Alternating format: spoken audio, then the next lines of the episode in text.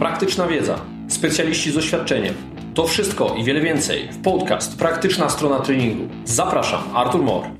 Dzisiejszym moim gościem jest e, Artur Kierak.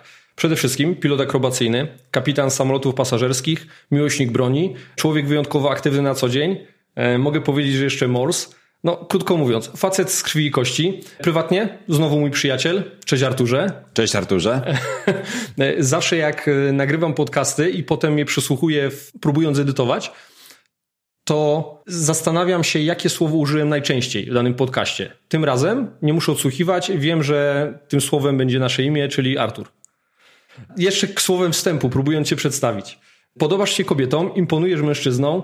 Kiedy byliśmy dziećmi, popularne były filmy akcji, byli bohaterowie kina akcji. Teraz takich bohaterów e, w kinie szukać jak ze świecą. Fajne jest, że, że jesteś ty i wielu dzieciaków, y, którzy w jakim stopniu interesują się lotnictwem, mają takiego swojego bohatera kina akcji i mają na kogo popatrzeć i mają się na kim wzorować. Kurczę, no jak się czujesz jak bohater kina akcji? Nie czuję się jak bohater e, może kina akcji, e, natomiast cieszę się, że e, rzeczywiście gdzieś na pokazach lotniczych te dzieciaki mnie zaczepiają, czy matki, czy ojcowie mówią, że nie wiem, że, że dzieci mają gdzieś jakieś tam moje plakaty, którym podpisałem na pokazach, że chciałyby robić to samo co ja. Ja tak samo miałem kiedyś takie wzorce. Pierwszym takim wzorcem był kapitan pilot Henryk Howie, który kręcił pilotaż indywidualny na MiG-29. Był dla mnie bogiem, wykonywał karkołomne figury i też tak mniej więcej zaczęła się moja historia, patrząc właśnie na tego pilota, który wykonywał w Mińsku Mazowieckim akrobację na samolocie bojowym. No i sam płynnie przeszedłeś do pytania, które chciałem cię zadać jako drugie. Takie bardzo no, typowe pytanie, które mógłby zadać ci każdy. Dlaczego zainteresowałeś się lotnictwem? Jak to się dzieje, że syn, i teraz y, taki prywatny wyjazd sobie pozwolę zrobić, jak to jest, że syn tokarza i księgowej postanawia zostać pilotem, powiem więcej, jednym z najlepszych pilotów akrobacyjnych na świecie? Czasem e, myślę, że to nie ja wybrałem lotnictwo, a lotnictwo wybrało mnie, bo byłem tak mały, nie miałem tak naprawdę żadnych żadnej pomocy może ze strony rodziny, czyli nikt w rodzinie po prostu nie latał, ale żyłem, wychowałem się w miejscu, które zawsze było związane z lotnictwem, czyli w Mińsku Mazowieckim, gdzie stacjonował pierwszy pułk lotnictwa myśliwskiego. I jak to zawsze mówiłem, nie wiem czy oczywiście tak było, że wypadłem z wózka i gdy uderzyłem się w głowę, nad, nad głową przeleciał mi MiG-21, które wtedy stacjonowało w Mińsku Mazowieckim, po tym już MiG-29 po prostu ja żyłem wśród tych samolotów. Mimo, że tata pracował w zakładach naprawczych taboru kolejowego, mama była księgową, ja wychowywałem się na osiedlu, wszyscy graliśmy w, w piłę, jak to chłopaki ganialiśmy się, tłukliśmy kijami po głowach, ale cały czas y, były te MIGI 21, 29, które cały czas latały nad miastem. Ja tą głowę całe życie podnosiłem, całą swoją młodość. I w pewnym momencie, nie wiem, który to był moment, powiedziałem, że chcę to robić zawodowo. Ja po prostu nie chcę pracować w zakładach naprawczych taboru kolejowego. Nie chcę żyć tak, jak e, żyją wszyscy ludzie, którzy no, są na tym osiedlu robotniczym, wstają o 5 rano i idą do, do zakładu, tylko chcę latać, chcę kręcić pilotaż. Nie wiem, jak to zrobię, ale to mi się uda. Hmm. Brzmi trochę jak taki amerykański sen, taka amerykańska historia, no ale udało ci się, nie? Zostałeś pilotem akrobacyjnym. Od początku myślałeś o akrobacji? Chciałeś latać akrobacyjnie? Czy myślałeś może o lotnictwie wojskowym, cywilnym? Na pewno wtedy myślałem bardziej o lotnictwie wojskowym, ale było to połączenie, bo w tym lotnictwie wojskowym oczywiście strzelanie. Nie chciałem nigdy na żadną wojnę iść. E, no może trochę by się to wiązało z moim drugim zawodem, który sobie wybrałem, ale to może później o tym porozmawiamy. Natomiast kręcił mnie pilotaż, po prostu sam pilotaż. Uwielbiałem patrzeć, jak te samoloty hamują tą energię, tak? E, jak ją odzyskują, jak ci piloci Top Gun. obracają tymi samolotami. Ten samolot zwalnia na dużej mocy, na dużych kątach natarcia, za chwilę przyspiesza, idzie w pionie w górę, w dół, robi beczki precyzyjna, czyli ta precyzja, hałas, agresja tego pilotażu, bo nie waham się użyć tego słowa. Ludzie nie lubią tego słowa, ale, ale dla mnie to słowo jest akurat bardzo ważne, bo, bo określa to, w jaki sposób e, ja staram się pilotować, a nie lubię, że tak powiem, ukrywać słów, lubię mówić tak, jak jest, a w kokpicie po prostu zachowuję się agresywnie. Powiedziałeś to z takimi emocjami, e, że myślę, że już po tej części rozmowy, a tak na dobrą sprawę mamy niespełna 5 minut, już e, kilka osób, które to usłyszą, będzie się brało za lotnictwo. Nie? Tyle emocji sprzedałeś, że na pewno zachęcasz ludzi do latania i chwała Ci za to. No właśnie, e, stałeś się pilotem akrobacyjnym, spełniłeś swoje marzenia.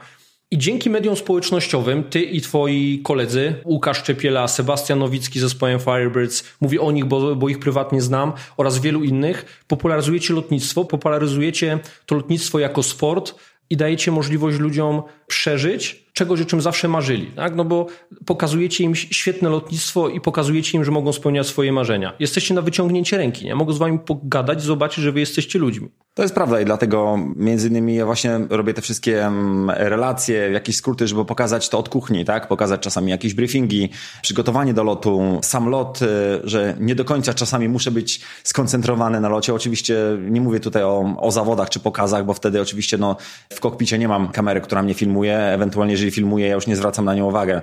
Natomiast y, fajnie, że, że ludzie mogą teraz sobie zajrzeć od kuchni, zobaczyć, czy tak naprawdę by im się to podobało, czy byliby w stanie to przeżyć, bo często ludzie mówią, nie, nie byłbym w stanie tych, tych przeciążeń, ale mówię, jeżeli nie spróbujesz, no tego nigdy się nie dowiesz, tak? Ja nie wiedziałem, na co się pisze, jak byłem, jak byłem mały. Wiedziałem, że będzie to mm, przeprawa przez mękę, żeby dojść do tego momentu. Wiedziałem, że to wiąże się z bólem, no ale z drugiej strony lubiłem ból, bo wychowywałem się na sztukach walki, tak? Od, od dziecka trenowałem jiu-jitsu, potem karate, kyokushin, kickboxing, a każdy, kto trenował, szczególnie rzeczy związane z boksem, ile się dostaje po, po nosie, a z kyokushinem ile po piszczelach e, i po końcówkach żeber, że to boli, tylko że to też potem uzależnia. Jak, potem jak ciągniesz 6G, takie dłuższe, to, to nie ma problemu.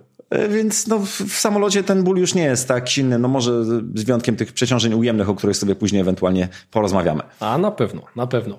A właśnie, powiedzieliśmy o mediach społecznościowych. Ty już powiedziałeś o takim wizerunku, który gdzieś tam e, próbujesz przedstawiać w tych mediach społecznościowych i ja teraz korzystając z okazji e, powiem wszystkim słuchaczom, twoim i moim, ten facet jest autentyczny. Wy oglądacie go tylko w mediach społecznościowych. Jak znam go prywatnie, spędzam z nim prywatnie czas i tu nie ma udawania, nie? Ty jesteś taki w mediach społecznościowych, jaki jesteś na co dzień. Mówię to, ażeby osoby, które mają wątpliwości, myślą, że sprzedajesz swój wizerunek, to ja mówię nie, nie. Ty jesteś autentyczny, Artur Kielak jest dokładnie taki sam, jak go widzicie w mediach społecznościowych, ani lepszy, ani gorszy. Identyczny autentyczność. To znaczy, ja nigdy nie, nie próbowałem kreować kogoś, kim nie jestem, tak? Czuję się bardzo naturalnie od rana. Ja rzeczywiście budzę się, myślę o tym, żeby, żeby zrobić trening, żeby najpierw pomorsować, co często razem robimy. Tak, szósta rano e, wchodzimy na stawika w Sosnowcu do, do jeziora, potem trenujemy, potem... Ale czemu powiedzieć o tym Sosnowcu? Czy ja ci dokuczam? no właśnie. Próbuję się przekonać po tutaj, żebyśmy na trzech stawach. Morsujemy. morsujemy. Tak. Potem często jest tak, że wracam, e, biorę karabin i pistolet, jadę potrenować gdzieś strzelać strzelectwo, wracam, czasami jeszcze przelecę się samolotem akrobacyjnym i pójdę do pracy polatać na Boeingu. Więc no, tak często wygląda mój dzień. Dzień jest wypełniony od rana do wieczora przede wszystkim adrenaliną, pasją, no bo staram się robić wszystko, co mnie pasjonowało od dziecka i to też stąd to strzelectwo, bo to był zawsze zawód numer dwa, czyli powiedziałem, jeżeli coś by nie wyszło z lotnictwem, to, to będę po prostu nie to, że, se, że, że, się, zabójcą. że się zaciągnę, ale, ale po prostu zdam testy i selekcję do gromu to była druga taka pasja, zawsze imponowali mi żołnierze jednostek specjalnych, jednostek antyterrorystycznych, a z drugiej strony, jeżeli mam służyć, to służyć wśród najlepszych. Hmm. Trochę w życiu robisz, a co poczytujesz za swój największy sukces?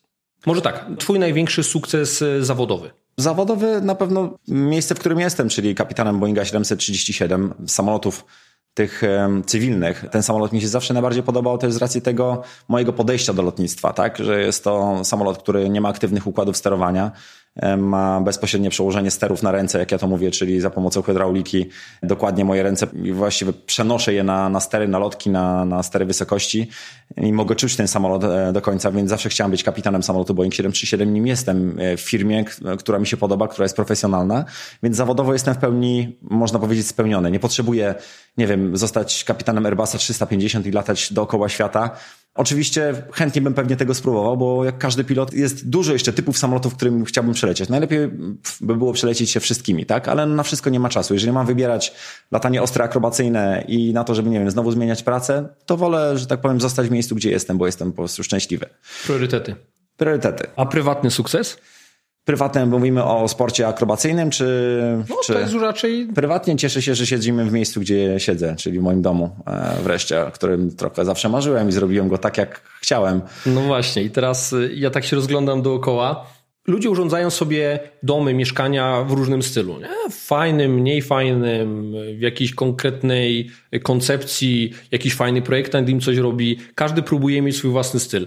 Ale wiesz co? Jak wchodzi się do ciebie, to, to tego stylu nie podrobisz. Nie podrobisz i jestem przekonany, że ze świecą szukać takiego mieszkania, właściwie apartamentu, bo to jest naprawdę fajny, fajny lokum, e, na całym świecie. To widać, że to jest twoje mieszkanie. Wchodzisz, widać wielkie śmigło na ścianie, widać stół w kształcie wielkiego skrzydła, widać godło dywizjonu 303 na ścianie, pełno modeli samolotów, e, zdjęcia, pamiątki lotnicze.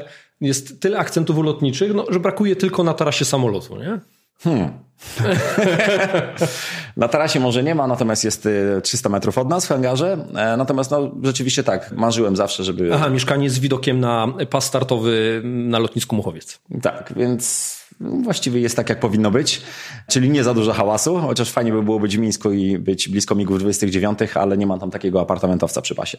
Więc tak, mieszkanie jest w takim stylu, które zawsze sobie marzyłem, w kolorach, które sobie wymarzyłem. Chciałem, żeby te pamiątki przede wszystkim, które dostałem od przyjaciół gdzieś przy okazji pokazów lotniczych, imprez, spotkań, żeby to było cały czas blisko mnie i przypominało mi o tym wszystkim, co, czego udało się dokonać i tak naprawdę w jakim kierunku idę, bo ja cały czas ten kierunek mam wyznaczony, tylko on lekko ewoluuje z różnymi przedsięwzięciami, które się pojawiają na horyzoncie, czyli tak jak te wyjazdy do Chin, czy gdzieś tam do Stanów Zjednoczonych. No właśnie, znam cię kilka lat i co roku widzę, że się rozwijasz. Widzę, że się rozwijasz zawodowo, rozwijasz się prywatnie, jesteś coraz lepszym strzelcem, próbujesz nowych rzeczy. Ja sobie cenię, jak ludzie próbują nowe rzeczy. To morsowanie jest jedną z nich. Nie jeden z takich przykładów. Kupę rzeczy robisz prywatnie i zawodowo, które ci rozwijają jako specjalistę i jako człowieka. Mnie to imponuje, ja sobie takich ludzi cenię. Czy zdradzisz e, jakieś swoje plany zawodowe czy prywatne na najbliższy rok, 2020? Mamy końcówkę roku. Zawodowo mm, na razie nie zamierzam nic zmieniać, racji tego, że jestem zadowolony ze swojej pracy. Natomiast e, jeżeli chodzi o, o latanie akrobacyjne przede wszystkim, to na pewno chciałbym rozwijać zespół, który założyliśmy w Chinach na samolotach akrobacyjnych XA-41. Dołączają do nas nowi piloci. Mam nadzieję, że też e, Sebastian zacznie z nami latać, e, Nowicki. Więc mamy tam siedem samolotów, więc jest co robić. Także myślę o zespole na samolotach odrzutowych, czy to będzie Chiny, czy Stany Zjednoczone. Na pewno chciałbym zdać egzamin na licencję pilota pokazowego w Stanach Zjednoczonych, co też planuję niedługo. A co będzie więcej, zobaczycie. Okej, okay. już te rzeczy, które wymieniłeś, e, już budują napięcie, także twoi fani z pewnością tego wyczekują. Arturze, jaka twoim zdaniem jest wiodąca albo najważniejsza cecha charakteru, którą powinien legitymować się pilot? Każdy pilot. Myślę, że pewność siebie i zdolność podejmowania decyzji. Hmm. Nieważne jakiej decyzji często, ale ważne, żeby ją podjąć, bo nie zawsze ta decyzja jest e, prawidłowa, ale czas biegnie i ważne, żeby taka osoba potrafiła ją podejmować. Każda decyzja jest lepsza od braku decyzji. Dokładnie. A powiem Ci, Arturze, jaki był motyw tego pytania? Ja między innymi dzięki Tobie też zaczynam e, drogę w kierunku bycia pilotem. Oczywiście hobbystycznie, amatorsko, natomiast w pytaniach na licencje lotnicze w ramach e, egzaminu teoretycznego, jak w ramach e, przedmiotu człowiek możliwości i ograniczenia, jest takie pytanie, czy prawidłowa samoocena oraz stopień samoakceptacji ma znaczenie e, w pracy pilota? oraz w notatkach do tego przedmiotu e, mam jasno napisane, że osoby ekstrawertyczne, energiczne są zawsze lepszymi pilotami. Nie? Czyli to, ta postawa, którą ty prezentujesz, e, nie jest w przypadku. To właśnie te cechy charakteru sprawiły, że jesteś takim pilotem, jakim jesteś, znajdujesz się w miejscu, w którym się znajdujesz. Także trzeba być pewnym siebie. Zdecydowanie tak. Przede wszystkim też no, umieć współpracować z ludźmi, bo jakby nie patrzeć, no, czy to jest kokpit samolotu e, liniowego, czy latanie w teamie, które już to jest naprawdę taka wisienka na torcie, gdzie. Zaufanie. Gdzie czterech, pięciu pilotów, sześciu, czasami większe grupy, a to są wszystko charakterki, nie? To nie są tak, nie chcę tego tak, żeby, żebyś to źle odebrał, ale że nie są to tacy standardowi ludzie, to są naprawdę często charaktery. Ludzie wyrzeźbieni, którzy widzieli już naprawdę bardzo dużo, przeżyli bardzo dużo w akrobacji lotniczej, bo raczej staram się pracować z ludźmi, którzy, którzy mają doświadczenie i teraz te wszystkie kilka charakterów, cztery, pięć, sześć, trzeba zgrać razem do kupy i żeby oni stanowili jedno ciało.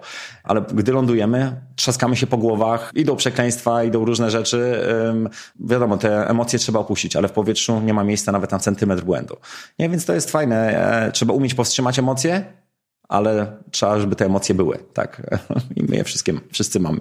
No i musicie sobie ufać. Ja już powiedziałem to zaufanie, że też jest ważne, jak w ramach twojej wypowiedzi. Lecicie czasami w formacji, lecicie w szyku, i teraz y, no, musisz ufać tej osobie, która leci te parę centymetrów od ciebie. Nie? No to jest prawda. Nie zawsze też w stu procentach jesteś w stanie ocenić, tak? Bo, bo jeżeli e, mamy figurę akrobacyjną, gdzie wszyscy się rozchodzimy, nagle wszyscy się schodzimy w jednym punkcie, robimy tak zwane krosy, czyli lecimy para na parę, czyli dwa samoloty jako jeden szyk, drugi i jedni lecą 300 na godzinę, drudzy lecą 300 na godzinę albo i szybciej i mijamy się kilkanaście metrów od siebie, to ja nie wiem tak naprawdę, gdzie są tam ci koledzy. Muszę zaufać mojemu przyjacielowi, który jest po lewej stronie, na przykład przykład y, i prowadzi tą parę, a moim zadaniem jest tylko jego się trzymać. Jeżeli on mnie wprowadzi w górę, no to wylecę w górę. Ale na tym też polega ten sport, dlatego jest adrenalina. Gdyby nie było nie byłoby świadomości tego, że możemy zginąć, to nikt by się tym nie zajmował, bo, bo nie byłoby emocji. Okej, okay, Arturze, y, zaczęliśmy rozmawiać o możliwościach i ograniczeniach człowieka. One w lotnictwie odgrywają istotną rolę, zarówno w tym cywilnym, jak i akrobacyjnym. Zacznijmy sobie od cywilnego. Taka pierwsza rzecz, która przychodzi mi na myśl, to loty nad Atlantykiem albo loty ze wschodu na zachód, y, dokładniej mówiąc, i problemy ze snem wśród pilotów są, czy nie ma? Przestawienie stref czasowych. Są, szczególnie, szczególnie u pilotów oczywiście, którzy pracują na long haulu. Ja pilotem long haulowym nie jestem, e, nie chciałem być do tej pory, ale to też nie ze względu na to, ale bardziej na ilość operacji lotniczych, które się, się wykonuje po prostu. Ja bardzo lubię starty i lądowania, przygotowania i cały ten proces, natomiast wiadomo, że w lotnictwie dalekodystansowym tego dużo nie ma. Ląduje się razy, dwa razy w miesiącu maksymalnie. Natomiast e, rzeczywiście koledzy często po wielu latach latania mają te problemy ze snem, więc no często muszą się wspomagać jakiegoś rodzaju lekami, tak, których pewnie no, ty się lepiej na tym znasz. Ja dokładnie nie znam nazw e, tych leków nasennych, tak. Ja nigdy tego nie potrzebowałem stosować, nawet sporo latając gdzieś tam do Chin czy Stanów Zjednoczonych, jakoś ten mój organizm bardzo szybko się reguluje. Jak lecę do Chin, praktycznie nie czuję kompletnie zmiany czasu. Dolatuję tam na godzinę dziewiątą rano, lekkie zmęczenie, za chwilę to zmęczenie przechodzi, wypiję kawę, tak naprawdę mogę wsiadać do kokpitu. Może to też, że mam motywację, że za chwilę emocje, latanie i tak dalej, ale z drugiej strony jak wracam tutaj, no też odsypiam ten lot, następnego dnia normalnie funkcjonuje. Trochę czasami gorzej jest z powrotem ze, ze, Stanów Zjednoczonych. Nie wiem, jakie to ma znaczenie, może też dlatego, że w Stanach często jestem bardziej wypoczynkowo i ten wypoczynek często jest bardziej męczący niż praca. może tak być. Wspomniałeś o tych e, lekach, które czasami zmuszeni są brać pileci, no to ja mogę tylko przestrzec, ażeby osoby, które decydują się zażywać takie leki, mogę jako przykład podać Zolpidem, dosyć popularny lek ostatnimi czasy, nazywany lekiem nowej generacji, sprzedawany pod mm, nazwą taką leków typu Zolpik, Nasen, Stilnox.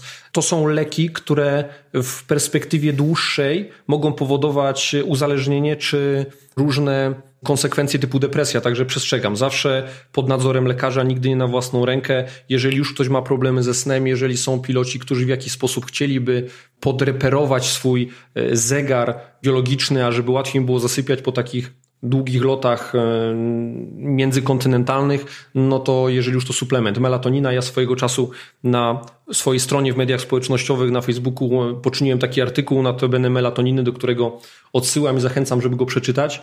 Dbajcie o swój sen. Ten sen jest fundamentem dobrej regeneracji i nie zaniedbujcie go. Ja pamiętam, Arturze, swojego czasu, jak robiliśmy takie nawet zawody w ramach takiej aplikacji, która mierzyła nam sen, kto. Dokładnie, kto... jakość snu. tak, i zainstalowaliśmy sobie, potem widzieliśmy się na siłowni i przylatywałeś, popatrz, popatrz, miałem 90% jakość snu. 90% nie? pospałem, tak. Ale wszystko zależało od długości snu, tak naprawdę. Oczywiście, to było e, najważniejsze. Ja już na temat tego snu nie będę rozmawiał. Jest kilka osób w Polsce, z którymi chciałbym taką rozmowę odbyć i myślę, że to się stanie w ramach tego podcastu, ale to innym razem. Jak jesteśmy przy tych lotach międzykontynentalnych, na tych długich lotach, to poruszmy jeszcze kwestię promieniowania kosmicznego, promieniowania jonizującego. Nie? Mówi się, że lecąc nad biegunem dostajesz dawkę promieniowania równą mm, prześwietleniu klatki piersiowej. Zgadza się. I teraz, żeby jeszcze trochę ten temat doprecyzować, to ja przygotowując się do naszej rozmowy przejrzałem sobie literaturę naukową i faktycznie takie latanie nad biegunem może mieć jakieś e, negatywne skutki zdrowotne dla pilotów, zwłaszcza jeżeli robią to regularnie.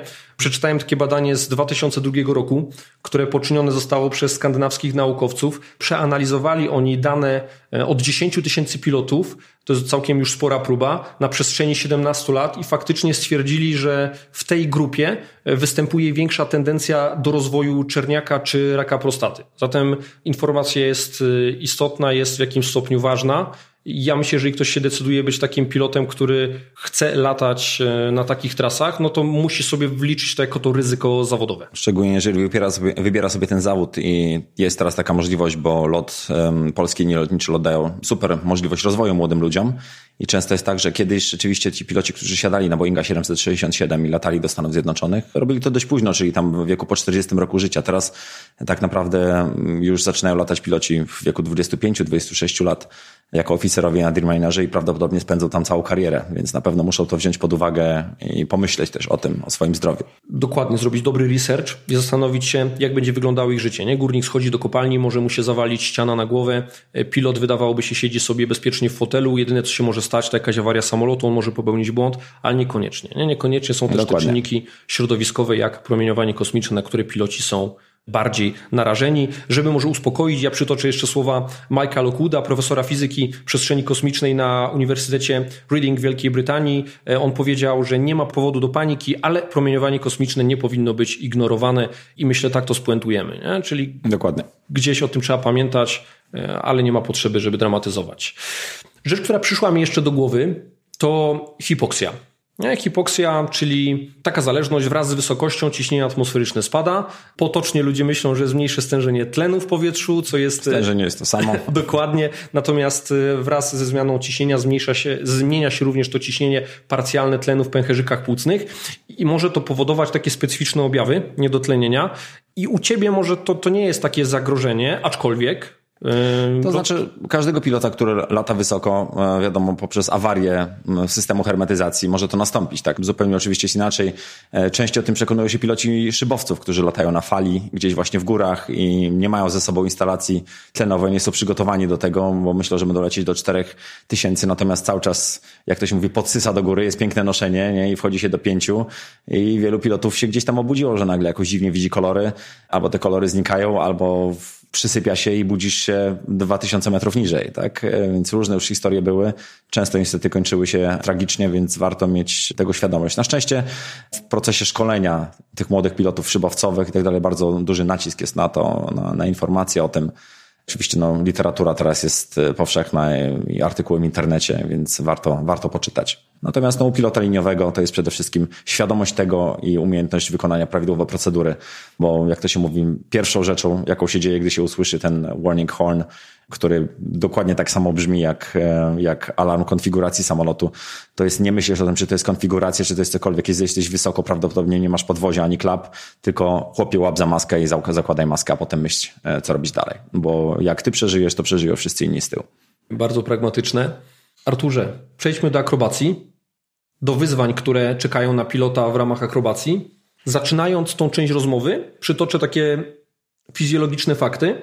Pierwszy z nich Fizjologiczna akcja serca u zdrowego człowieka o przeciętnej wydolności fizycznej wynosi 120 na 80. Nie, to jest jakby oczywiste. Fizjologiczna częstość oddechów na minutę u człowieka wynosi 14-16.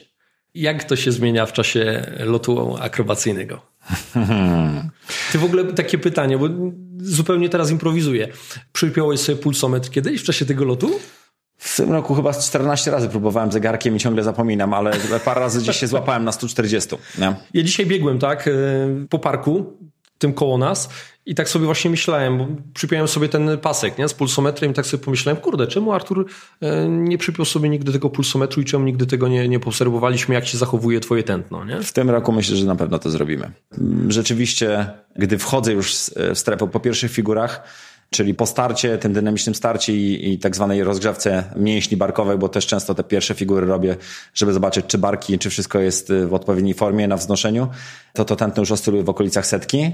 Potem ono lekko spada, znowu gdzieś tam na 90, ale trzyma się cały czas już powyżej 90 przez cały lot, jeżeli jest to oczywiście lot na pilotaż indywidualny. No i gdy zaczynam tam pewnie druga, trzecia minuta, więc czuję, że, że to jest właśnie w granicy między 130 a 150.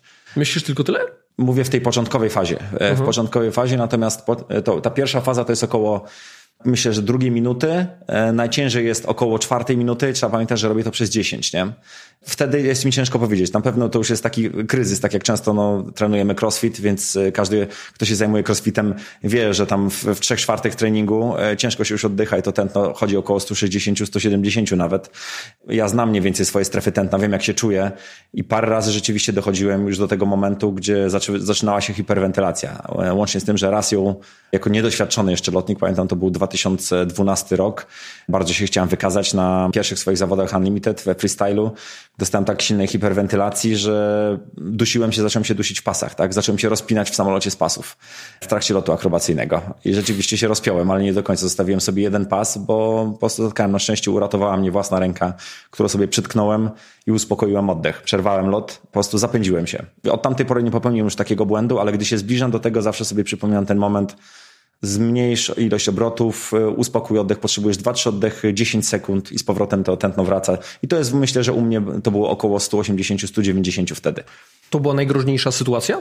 To była zdrowotnie najgroźniejsza sytuacja, bo oczywiście do groźnych sytuacji wiele przeżyłem E, niezwiązanych ze zdrowiem, może tak, natomiast wtedy rzeczywiście w głębokiej hiperwentylacji jesteś zapięty w spadochron, w pasy, przymknięty owiewką i tak dalej, zaczynasz się dusić. Ciężko to jest nawet opisać, a wisisz na wysokości kilkuset metrów i grzejesz z prędkością 400 km na godzinę w dół. I to pionowo, więc y, jest Nie to, masz wiele czasu, żeby się ogarnąć. Nie masz wiele czasu, żeby się podjąć decyzję, czy się rozpinać, czy nie. No, czyli zrobiło ci się gorąco. Zrobiło się gorąco, szczególnie po lądowaniu, tak. Natomiast... Um, Rzeczywiście, no mówię, to tętno, myślę, że w tych najwyższych, w tym momencie, czyli tutaj około tej szóstej minuty, czy między czwartą a szóstą minutą może oscylować do 180. Arturze, z takich rzeczy nie niebezpiecznych, ale na pewno dokuczliwych dla pilota, co najmniej dokuczliwych, to temperatura. Bardzo często, właściwie zazwyczaj, pokazy w Polsce akrobacyjne odbywają się w sezonie letnim. Te temperatury potrafią być w lecie naprawdę wysokie. W kabinie samolotu panuje ekstremalnie wysoka temperatura. Jaka? Ekstremalnie. Ta temperatura może wynosić nawet 60 stopni, więc... I ty jesteś tam w kombinezonie. Jesteś tam w kombinezonie, na tym masz czarny spadochron, na tym masz pięciopunktowe czarne pasy. Jesteś dobity tak mocno do fotela, że pojawiają się bruzdy na biodrach, w związku z tym stosuję specjalne, po prostu wycinam piankę i podkładam sobie pod pasy, bo po prostu rozrywa mi skórę, więc jesteś tak mocno przypięty. No i masz jeszcze z reguły na głowie kask. Z wajzorem jesteś ubrany w rękawiczki, komfort. czyli jesteś w pełnym eleganckim komforcie 60 stopni jazda. Aczkolwiek jak to zawsze mówię, gdy jesteś już w kokpicie, gdy kołujesz, zaczyna rosnąć poziom adrenaliny, a gdy wpychasz tą manetę do przodu i zaczynasz grzać pionowo do góry, to już tak naprawdę nic nie ma znaczenia. Najgorszy jest ten moment tak naprawdę przygotowań i czekania. To zawsze mówiłem młodym ludziom, lotnictwo składa się przede wszystkim z czekania. I to jest od samego początku, od procesu szkolenia, to się czeka i czeka i czeka. Czy na swój lot, czy na to, czy przyjdzie instruktor, czy będzie pogoda, czy nie będzie pogoda. Zresztą sam to wiesz, bo, bo to przerabiasz. To jest nawet fajne, wiesz, bo to jest taki substytut wakacji, nie? Jak tak, tak siedzisz, tak już w pewnym momencie już tylko czekasz i czekasz i czekasz i mówisz, kurde, to no co mam? No zaczynam Naprawdę, się tym cieszyć. No. Jak, jak się zajmujesz lotnictwem, musisz sobie znaleźć jakieś hobby najlepiej, e, żeby, żeby móc się tym zajmować w czasie czekania na to lotnictwo. Poczytać jakieś książki, nie wiem, pograć w coś, warcaby, szachy, nie wiem, cokolwiek. Takie sznurki się kiedyś między palcami przekładało, pamiętam jak byliśmy mali. Ale zobacz, widzisz, ty mówisz, no tak, ja zaczynając tą przygodę z lotnictwem, gdy ktoś mi powiedział, z czym się kojarzy lotnictwo, to ja mogę powiedzieć z czekaniem, z czasem, e, z ogromnymi ilościami tego czasu, ty będąc już na najwyższym poziomie w tym lotnictwie mówisz to samo, nie? Czyli się nic nie zmienia. Cały czas jest to samo. Lecisz na pokazy, na odprawę jest o 10, a masz pokaz o 18 i o 19.30. No, czyli co, musisz sobie te parę godzin poczekać, tak? Oczywiście, no wiadomo, w różnych warunkach czasami udaje się tą klimatyzację złapać, ale jednak gdy na zewnątrz jest 40 stopni, no rzadko kiedy te aerokluby dysponują pomieszczeniem klimatyzowanym. Tak naprawdę siedzisz cały czas spocony, cały czas zmęczony, a tą maksimum swoich możliwości z tego dnia masz osiągnąć 10 godzin później. Przeżyć całego dnia na tym słońcu. I na tym polega też profesjonalizm, żeby to wytrzymać, a potem, mimo że jesteś zdenerwowany, często, mówię, bardzo zmęczony już tą temperaturą, skoncentrować się tak, żeby rzeczywiście tym maksimum swoich możliwości wycisnąć właśnie o tej danej godzinie, w te 10 minut. Kolejna sprawa, przeciążenia. Przeciążenia chyba rzecz, która najbardziej kojarzy się z lotnictwem akrobacyjnym. Jak możemy podzielić te przeciążenia? W lotnictwie przede wszystkim dodatnie ujemne.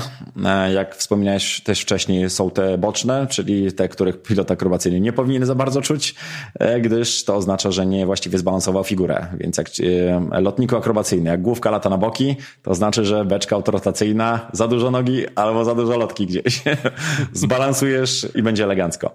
Natomiast już poważnie, przeciążenia dodatnie, wtedy kiedy ta krew rzeczywiście przemieszcza się od głowy w kierunku nóg, gdy ten drążek ciągniemy na siebie, tak już... E, przykład, nie? Bo nie każdy musi wiedzieć wyjście tak, z pętli. Czyli na przykład tak, sam samolot wykonuje pętlę, czyli najprostsza figura akrobacyjna, czyli mm, w trakcie której używamy tylko jednego steru, czyli steru wysokości, ciągniemy drążek na siebie, więc ta krew z głowy przemieszcza się e, w kierunku nóg, tak? I oczywiście tym to przeciążenie większe, tym ma większy wpływ na organizm, czyli czym więcej tej krwi ucieka nam z głowy, coraz y, słabiej widzimy, Często zaczynamy widzieć takie troszeczkę plamy, wszystko nam szarzeje, tracimy widzenie kolorów, zawęża się, robi się widzenie tunelowe, na, na samym końcu gaśnie. Tak? Nie, nie oznacza to utraty przytomności, ale często e, chwilowego widzenia. Natomiast jesteśmy w pełni świadomi, co robimy, gdzie jesteśmy, tylko musimy też oczywiście w miarę doświadczenia wiemy, w jakiej pozycji jest samolot i po prostu czasami warto, czy warto, po prostu popuszczamy po to, żeby ten wzrok wrócił. Ta krew za chwilę wróci, serce dopompuje tej krwi do oczu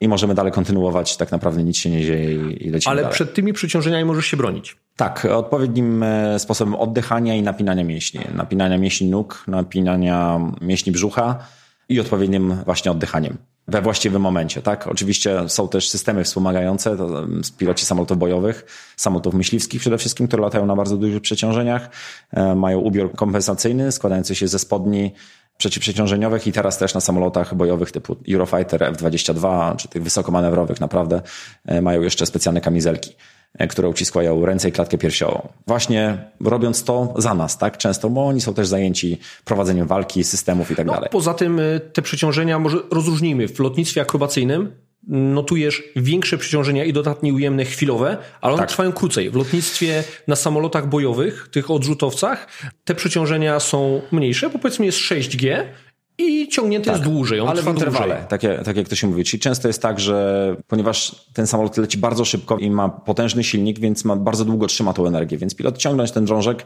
na siebie, a większość figur w lotnictwie jednak bojowym wykonuje się na dodatnim przeciążeniu. Tych ujemnych przeciążeń praktycznie nie ma, bo jest to nieekonomiczne, nieergonomiczne i samoloty tego nie lubią. Więc to przeciążenie trwa. I w tym właśnie w tym interwale przez, nie wiem, 10 sekund 4G, potem 5 sekund 6G, 3 sekundy 9, znowu zejście na 6, więc cały czas jest się na pozytywnym przeciążeniu, dlatego ten ubiór kompensacyjny jest potrzebny. U nas są chwilowe uderzenia, nawet do 12G, ale przyjmijmy, że, że tym ograniczeniem jest 10G, czyli ograniczenie też samolotu strukturalne ale mamy tak samo minus 10G, czyli możemy to samo przeciążenie wykonać na minusie. A to już jest bardzo bolesne, bo wszystko, co jest no powyżej no minus 4G, czyli gdy ta krew z nóg, czyli bardzo no, dużej ilości krwi. Minusie, powiedz o tym tak, minusie. Co to jest? Czyli teraz wyobraźmy sobie tą samą pętlę, którą wykonywaliśmy, tylko że samolot nie leci w pozycji normalnej, tylko obraca się na plecy i pilot wypycha drążek od siebie. Dalej ten sam ster wysokości, tylko pcha od siebie. W związku z tym powoduje to, że tak naprawdę fizyka próbuje nas wysadzić z kokpitu, ale my jesteśmy do tego samolotu przymocowani za pomocą pasa masa, czyli ciało zostaje w tym kokpicie, w związku z tym krew, która znajduje się w nogach, przetransportowuje się grawitacyjnie w kierunku głowy. Z taką siłą, jaką oczywiście chcemy, tak? Bo jeżeli lecimy bardziej do góry, przeciążenie się zmniejsza, natomiast jeżeli lecimy, zaczynamy wypychać samolot w dół i przechodzimy z pionu, wypychamy ten samolot do horyzontu, wtedy to przeciążenie ujemne bardzo narasta, no i może osiągnąć taką wartość jak minus 10G. Co I to jest bolesne. To jest już bardzo bolesne. Wszystko, tak jak mówię, powyżej minus 4G jest bolesne. Oczywiście zależy to od jednostki, bo nie każdy tak samo toleruje ból. Nie każdy z tym bólem jest tak, jak to się mówi, zabratany.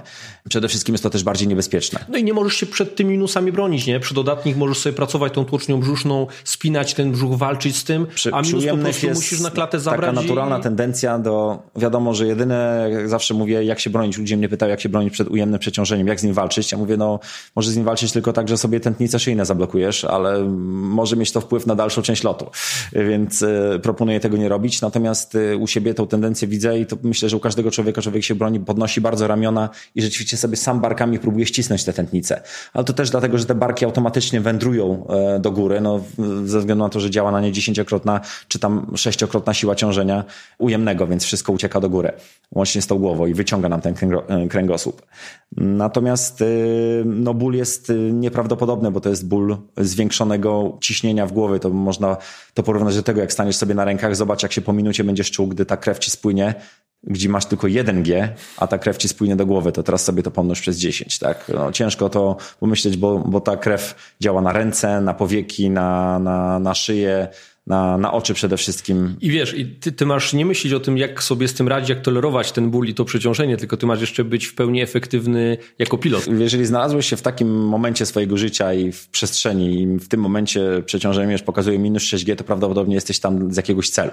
Ten celem prawdopodobnie jest wykonanie perfekcyjnego pilotażu i akrobacji najczęściej zawodniczej, bo na wysokich przeciążeniach lata się przede wszystkim w akrobacji nieograniczonej, czyli ten unlimited, bo tam jest te przeciążenia, jeżeli mówimy o przeciążeniach minus 6G, to tylko tamte przeciążenia i większe występują, więc już trzeba się cieszyć naprawdę dobrym stanem zdrowia.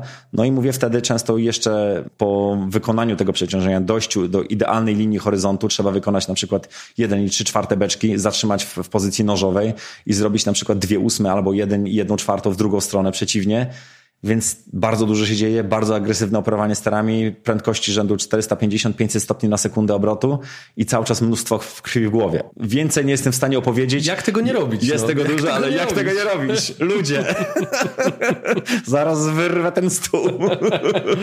Okej. Okay. I to jest chyba najbardziej wymagające w tym lotnictwie, nie? Akrobacyjnym fizycznie. Tak, tak, zdecydowanie tak. Przejścia z przeciążeń dodatnich na ujemne, wysokie temperatury. No oczywiście w kokpicie, tak jak mówię, tego, tego się nie czuje, ale to na pewno działa na człowieka i na to, ile jesteś w stanie wytrzymać tego dnia.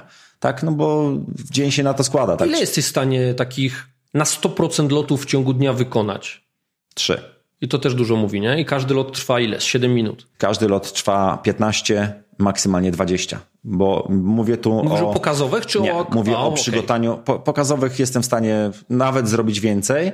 Natomiast ja mówię o typowym przygotowaniu do mistrzostw, e, mistrzostw Europy, mistrzostw świata.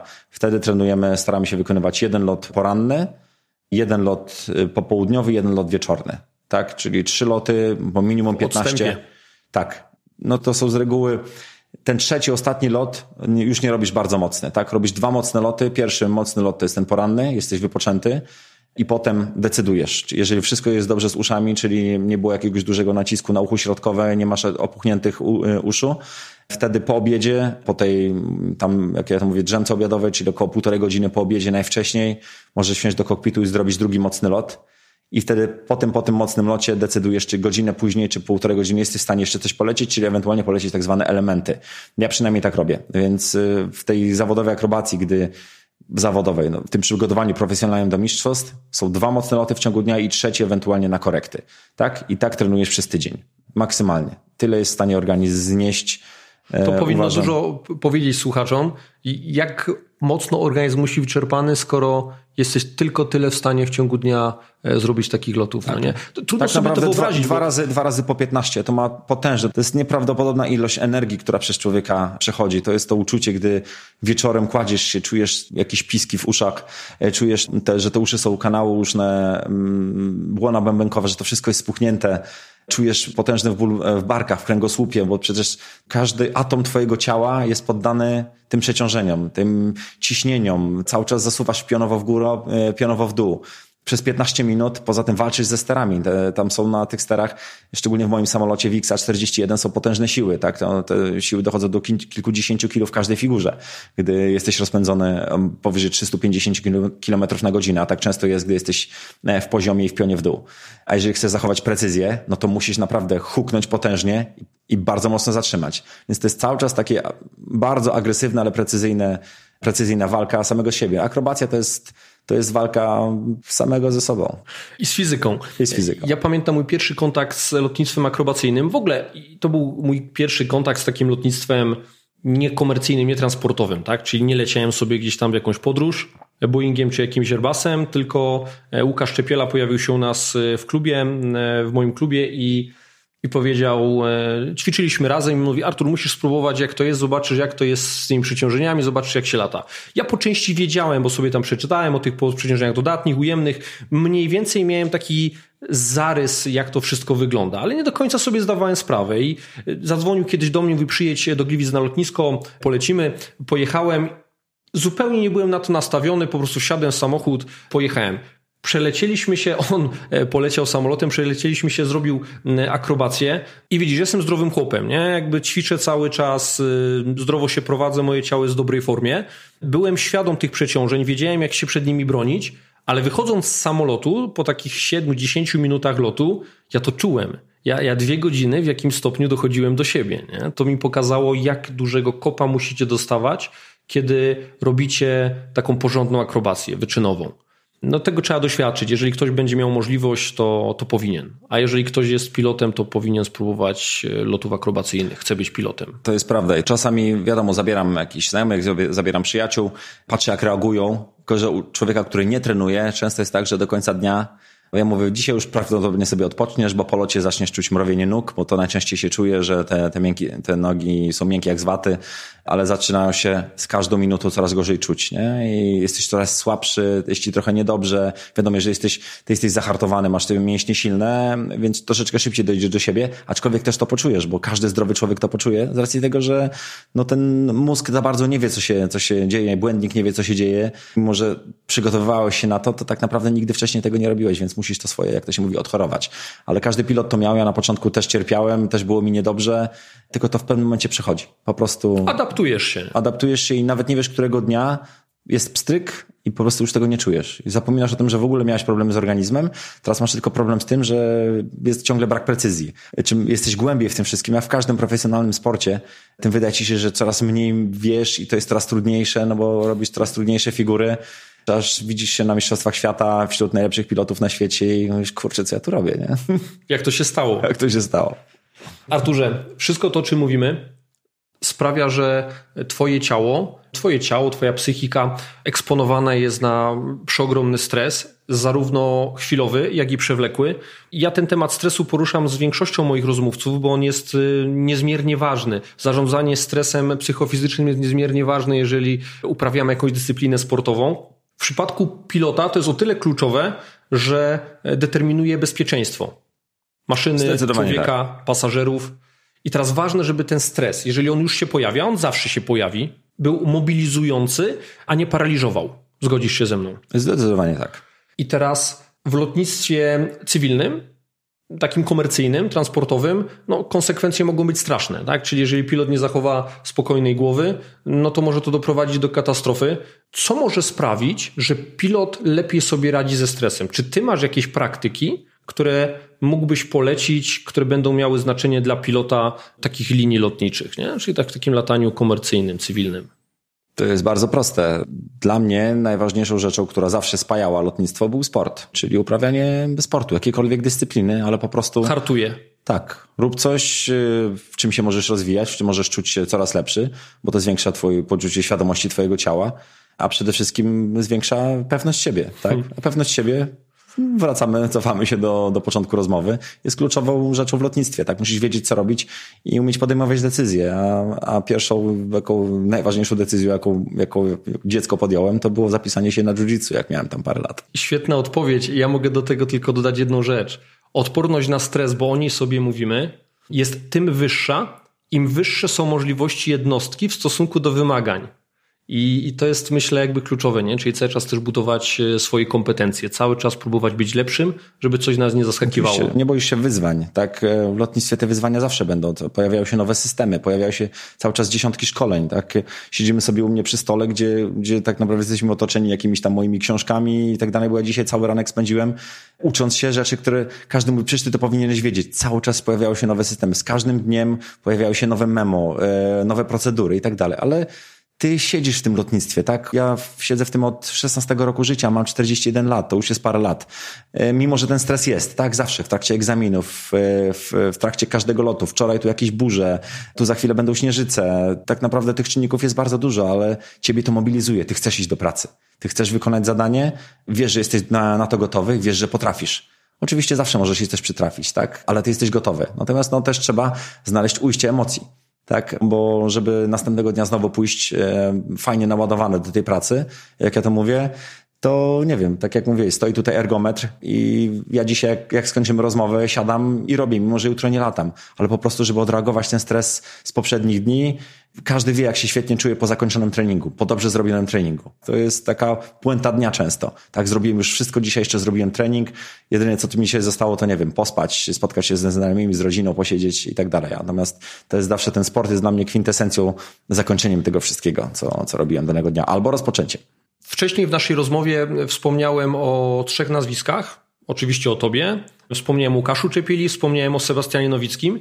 Ja z waszą trójką poznałem się w klubie, w CrossFit Husars. Dokładnie. Dziwne, co? Każdy czegoś tam szukał. Jedni z najlepszych pilotów, e, wszyscy dbają gdzieś o tą swoją fizyczność, wszyscy uprawiają sport. Nie? Tu, tu nie ma chyba przypadku, no, skoro tak się dzieje. I... Zdecydowanie nie, bo każdy z nas y, wie, jakie są ograniczenia, jakie są potrzeby, tak, żeby w tym kokpicie siedzieć.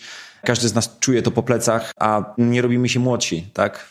Ja mówię, jak zacząłem trenować, szczególnie tutaj pod twoją opieką, e, moja samoświadomość ciała o wiele bardziej wzrosła, więc e, ja czuję się teraz lepiej jako 41-latek niż miałem 31 lat i to jest bardzo ciekawe, e, bo trenuję zupełnie inaczej. Ale powiedziałeś o tym treningu pod moimi skrzydłami. Ja mogę jako swój sukces poczytywać to, że udało mi się w tobie wzbudzić taką świadomość, jak o siebie dbać, jak trenować bezpiecznie, jak się żywić. Ty dużo lepiej zarządzasz e, swoim treningiem, zarządzasz swoim żywieniem, zarządzasz swoim snem. Ty po prostu stajesz się bardziej kompletnym sportowcem i trochę się twoja rutyna życia zmieniła. I to jest co ja obserwuję. Ty zrzuciłeś 5 kg, ty dużo bardziej regularnie e, śpisz, ty na pewno bardziej higienicznie się prowadzisz, ty nie pijesz już tyle e, alkoholu, co wcześniej. Okej, okay, nigdy go nie pijesz jakoś turbo dużo, natomiast zdarzało zdarzało się, zresztą tak jest w lotnictwie, nie? Po udanych pokazach gdzieś siadacie no kilka drinków, jakieś tam tak. piwko, a już teraz z sezonu na sezon tego jest coraz mniej. Dokładnie, po prostu zacząłem zauważać, że przenosząc swoje zainteresowanie, czyli właśnie przede wszystkim w kierunku snu, jakości snu, jakości żywienia, żywienie bardzo zmieniło moje życie. Oczywiście zdecydowanie alkohol na pewno nie pomaga w niczym, a bardzo przeszkadza, natomiast y, żywienie stało się kluczem tak naprawdę. Żywienie, sen, no i oczywiście ilość treningu, tak? Ale... Mm, na, Ten trening na... jest też bardziej świadomy. Ty już nie szalejesz. Y, jak Zdecydowanie, ja się szarpałem. Ja się ta, szarpałem. O właśnie, tak. nie? Ty wszystko albo nic. Ty trochę ćwiczyłeś tak jak latasz. Dokładnie. Zawsze mi się wydawało, że to jest prawidłowe podejście, że na maksa najlepiej bez żadnego odpoczynku, bo po co robić te dwuminutowe przerwy albo jednominutowe, jak można przecież jechać przez cały czas, aż się padnie, bo przecież wtedy trening jest kompletny, jeżeli przejdę cały szlak bojowy na jednym wdechu, tak? Bo ja zawsze wszystko traktowałem jako szlak bojowy, jako wojnę samego ze sobą, a tak naprawdę błędem było myślenie, że to jest jakaś walka cały czas, że, że muszę prowadzić walkę, tak? Ja po prostu trzeba żyć, ale to też człowiek do tego dojrzewa. Mówi się, że najgorsze jest pierwsze 40 lat dzieciństwa mężczyzny. Tak, zdecydowanie Czyli tak. od roku? Od roku, tak. Jest lepiej, od roku jest lepiej. Samoświadomość wzrosła i rzeczywiście, to ten ostatni rok najbardziej, e, najbardziej zmienił. Dopiero... Coś w tym jest, nie? Te mądrości ludowe, a jednak one mają ziarnko prawdy. Zdecydowanie tak, mimo że kompletnie nie myślę o wieku, bo tak jak mówię, dopiero po 40 zmądrzałem, tak? Mówiliśmy sobie o stresie chwilowym, e, który występuje gdzieś w ramach Twoich pokazów. Powiedz tym sobie jeszcze trochę o koncentracji. Pojęcie bliskie do tego stresu, a właściwie Ty potrzebujesz maksimum koncentracji przy maksimum stresu. Ciebie tak, tak, trochę jest. I czym jest ta koncentracja? Z definicji jest procesem, w którym nadmiar informacji jest odrzucany w taki sposób, aby do naszej świadomości docierały jedynie informacje te najistotniejsze. Ty czujesz coś takiego, że masz taką selektywną uwagę w czasie takiego ekspozycji na stres? Ty skupiasz się tylko na jakichś, jakichś wybranych elementach, jak pilotujesz akrobację? Tu mnie już nawet nie odróżnia, czy to jest akrobacja, czy to jest samolot liniowy. Po prostu skupiam się na rzeczach kluczowych. To często też widać Właśnie w akrobacji mniej, bo latam głównie z profesjonalistami i oni wiedzą też, jak to robić, tak? E, natomiast w lotnictwie liniowym, no często spotykam się z oficerami, którzy mają o wiele mniejsze doświadczenia albo tego doświadczenia nie mają wcale i tam właśnie widać, że często skupiają się na rzeczach, które kompletnie są w tym momencie niepotrzebne. Nie? I no też moją rolą jest na to, żeby mówię, słuchaj, zobacz, to może zrobić później. Zajmij się teraz tym, bo w tym momencie to jest, nie wiem, krytyczna faza, faza lotu. Taką typową rzeczą, żeby szybko to omówić jest na przykład zmiana pasa startowego. Podchodzimy do lądowania na dużym lotnisku, nie wiem, w Amanie, w Barcelonie, gdziekolwiek, nagle jest tak zwany sidestep, czyli trzeba przeskoczyć z jednego pasa na drugi. Po prostu mam, jest na to oczywiście procedura. Oficer zaczyna klepać w, kom, w komputerze i zmieniać. Mówię, zostaw komputer. Kluczową rzeczą w lotnictwie jest przede wszystkim najpierw aviate, navigate, communicate, czyli złap ten samolot za stery, widzisz pas, widzisz, widzisz papi, czyli światła, te, które pokazują nam kąt, w jaki sposób podejść do tego pasa. Po prostu zmień ten pas, przeleć na drugą stronę i wyląduj, tak? Nie, nie skupiaj się na rzeczach, które ci są w tym momencie niepotrzebne. Czy to zmienić w komputerze? Możesz to zmienić, ale wtedy wiedziesz, że tak powiem, nie w ten pas startowy, albo źle tą procedurę wykonasz, oczywiście się nie rozbijemy, bo ja ci ten samolot zabiorę. Ale chodzi o to, żebyś się nauczył. Po prostu wyrzuć, co jest w tym momencie niepotrzebne, skup się na, na rzeczach ważnych. To Czyli... przychodzi z doświadczeniem. No właśnie, czyli rada dla żółtodziobów, dla nowych pilotów. Ustalcie sobie gradację rzeczy najważniejszych w głowie. Co jest najważniejsze w locie? I to, to obowiązuje. W danym, w danym momencie, w danym momencie. Tak, bo mówię, w krytycznych fazach lotu są rzeczy, na których się trzeba skupić i to samo jest no w akrobacji. Każdy moment jest krytyczny. Każdy, często się ludzie pytają, czy patrzysz na przyrządy pokładowe. We właściwych momentach patrzę, w których nie powiem ci. Tak, nie, nie patrzę na przykład, gdy, nie wiem, lecę pionowo w górę do ślizgu na ogon. Oczywiście skontroluję wysokościomierz, ale skąd ja mogę wiedzieć? Za każdym razem myślę, on prawdopodobnie może nie działać, nie? Zawsze spojrzę przez ramię, czy na pewno widzę ziemię Jeżeli, jeżeli jest za późno, bo, bo już mnie otacza dym, który sam roztaczam z, z wytwornicy dymu i nie widzę ziemi, nie jestem pewny, czy przeleciałem 100 metrów czy 200, rezygnuję z tej figury, dlatego, że nie ufam przyrządom. I to trochę się kłóci z tym, co mówi się pilotom um, liniowym, tak? Zaufaj przyrządom i tak dalej. To jest zupełnie co innego. To latanie jest kompletnie inne niż latanie e, liniowe. Tam rzeczywiście zaufaj przyrządom, jeżeli chodzi o sztuczny horyzont, wysokościomierz, prędkościomierz, to jest lot ustalony, natomiast akrobacja to jest absolutne szaleństwo. Tego nie da się porównać do żadnej innej maszyny, prowadzenia innej maszyny. Tam leci się, kręci się pod każdym e, kątem, e, w każdej osi i często jest tak, że na przykład własny dym przeszkadza ci z tym, co widzisz na zewnątrz, bo często nie widzisz nic. Więc ja mówię osobiście, nie ufam przyrządom i staram się szukać tej ziemi zawsze i ocenić wzrokowo, bo jako pilot akrobacyjny nauczyłem się widzieć trzeci wymiar i po prostu wiem, ile, ile mam wysokości, czy tą figurę mogę wykonać, czy nie. Wysokość jest dla mnie mało istotny. Tak, często go nawet nie nastawiam, czy on tam, czy pokazuje 300 czy 200, ja potrafię to ocenić wzrokiem. To, co teraz powiedziałeś, to są takie bezcenne doświadczenia, którymi się dzielisz. Ja bym to rozwinął. Czy są jakieś rzeczy, które chciałbyś powiedzieć początkującym pilotom, na które powinni zwrócić szczególną uwagę? Albo może jeszcze inaczej to, to pytanie zaprojektuję. Jak zaplanowałbyś ścieżkę kariery młodego pilota? Bo teraz jest taki hype na bycie pilotem. Wszyscy chcą być pilotami, tych linii jest coraz więcej, każdy chce jak najszybciej iść do linii, szybka PPL-ka, szybki ATPL, od razu na prawy fotel i tam e, robić ten nalot i potem siadać jako kapitan. To jest prawda, aczkolwiek ilu pilotów, tyle charakterów tak naprawdę. Nie każdy musi być e, pilotem e, F-16, nie każdy musi być kapitanem Boeinga albo pilotem akrobacyjnym. Ja sobie wybrałem taką drogę ze względu też na swój charakter, natomiast dużo ludzi chce zostać po prostu pilotami liniowymi i tak kończyć, że tak powiem, zacząć i skończyć swoją karierę. Nie interesuje już nich nic więcej oprócz tego lotnictwa liniowego, więc e, jeżeli to im się podoba, często to ich też może pasjonować, albo po prostu uznali, że to jest fajna praca. Ważne, żeby dla mnie, żeby wykonywanie ją profesjonalnie, bo dla mnie zawsze najważniejsze najważniejszym wyznacznikiem jest to, czy ja z tym pilotem bym wsadził własną rodzinę, a sam został na ziemi. Więc tylko czy profesjonalnie podchodzi do swojej pracy. Oczywiście nie ma idealnej drogi, tak? Bo mogę powiedzieć, ok, wszyscy idźcie do Rzeszowa albo do Dęblina, czy studiujcie przez pięć lat, bo ja sam takiej drogi nie przeszedłem, tak? Ja byłem gdzieś w Stanach, potem gdzieś tam zarabiałem, robiłem uprawnienia, wiedziałem do czego dążę i jaką wybrałem sobie ścieżkę kariery, natomiast szedłem naprawdę przez las po wertepach aczkolwiek to mnie też zahartowało i pozwoliło mi się gdzieś tam szybko rozwinąć w innych aspektach tego lotnictwa. Natomiast y, nie ma jakiejś idealnej ścieżki kariery. Najważniejsze jest profesjonalne podejście do tematu i żeby potrafić też segregować tą wiedzę, tak? Nie cała wiedza z ATPL-a potrzebna ci jest do lotnictwa liniowego i każdy to wie. 14 przedmiotów, 50 czy 100 tysięcy pytań, a tak jak kiedyś my mówiliśmy, 15 tomów, e, każdy po 10 centymetrów, bo wiedzę się liczyło na centymetry, bo każdy wie ile, ile zajmuje przeczytanie centymetra A4, tak? Czyli na wagę, więc była to ciężka wiedza. I oczywiście nie wszystko ci się przyda w lotnictwie, ale każdy inteligentny człowiek, a raczej do lotnictwa tacy się garną, potrafią wyczuć, że najważniejsze jest znać politykę paliwową, wiedzieć ile potrzeba, ile lotniska, jakich alternatywów, znać meteo, potrafić y, czytać i rozkodowywać pogodę, analizować jak układają się fronty, co to są te fronty, jaki będzie napływ powietrza i czy to grozi mgłą, czy zawieją, czy zamiecią śnieżną, tak? Czy jakie są rodzaje śniegu, mokrego, suchego i tak dalej, i tak dalej. To są, to są rzeczy kluczowe.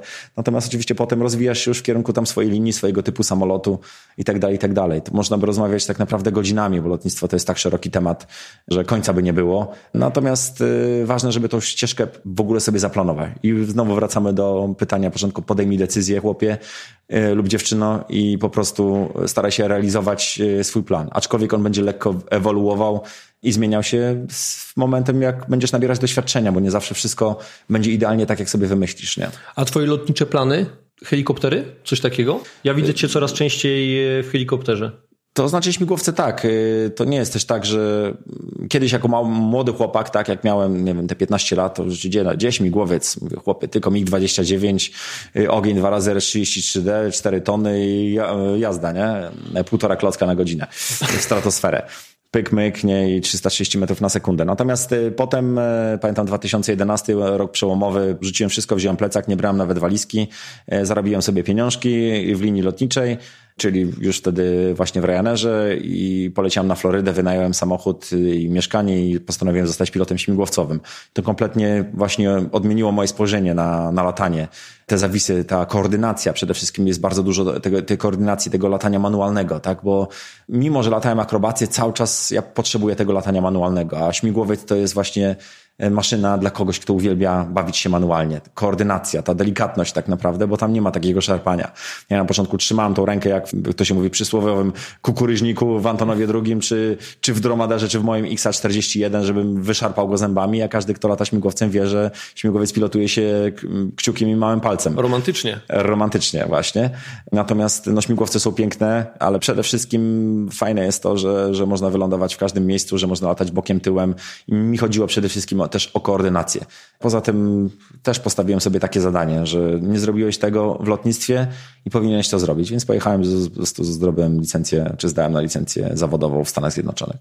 I będziesz to rozwijał dalej. Będę to rozwijał na pewno dalej. Um, oczywiście na wszystko nie znajdę czasu, bo teraz jeżeli, okej, okay, mogę podzielić ten czas tak zwany wolny, albo siadam w odrzutowiec, y, nie wiem, w Chinach lub w Stanach Zjednoczonych, albo dalej latam na śmigłowcach, to mówię, śmigłowcem mogę latać jako 50-latek, 60-latek, 70-latek, jeżeli będę się cieszył dobrym zdrowiem i dalej się tym bawił, ale tak ostro latać samolotami, czy tymi odrzutowymi, czy akrobacyjnymi już nie będę mógł, więc w tym momencie ja priorytet sobie ustaliłem już dawno, jeżeli mogę robić to i dalej się tu rozwijać, to przede wszystkim akrobacja indywidualna i akrobacja w szykach w, w zespole plus samoloty odrzutowe.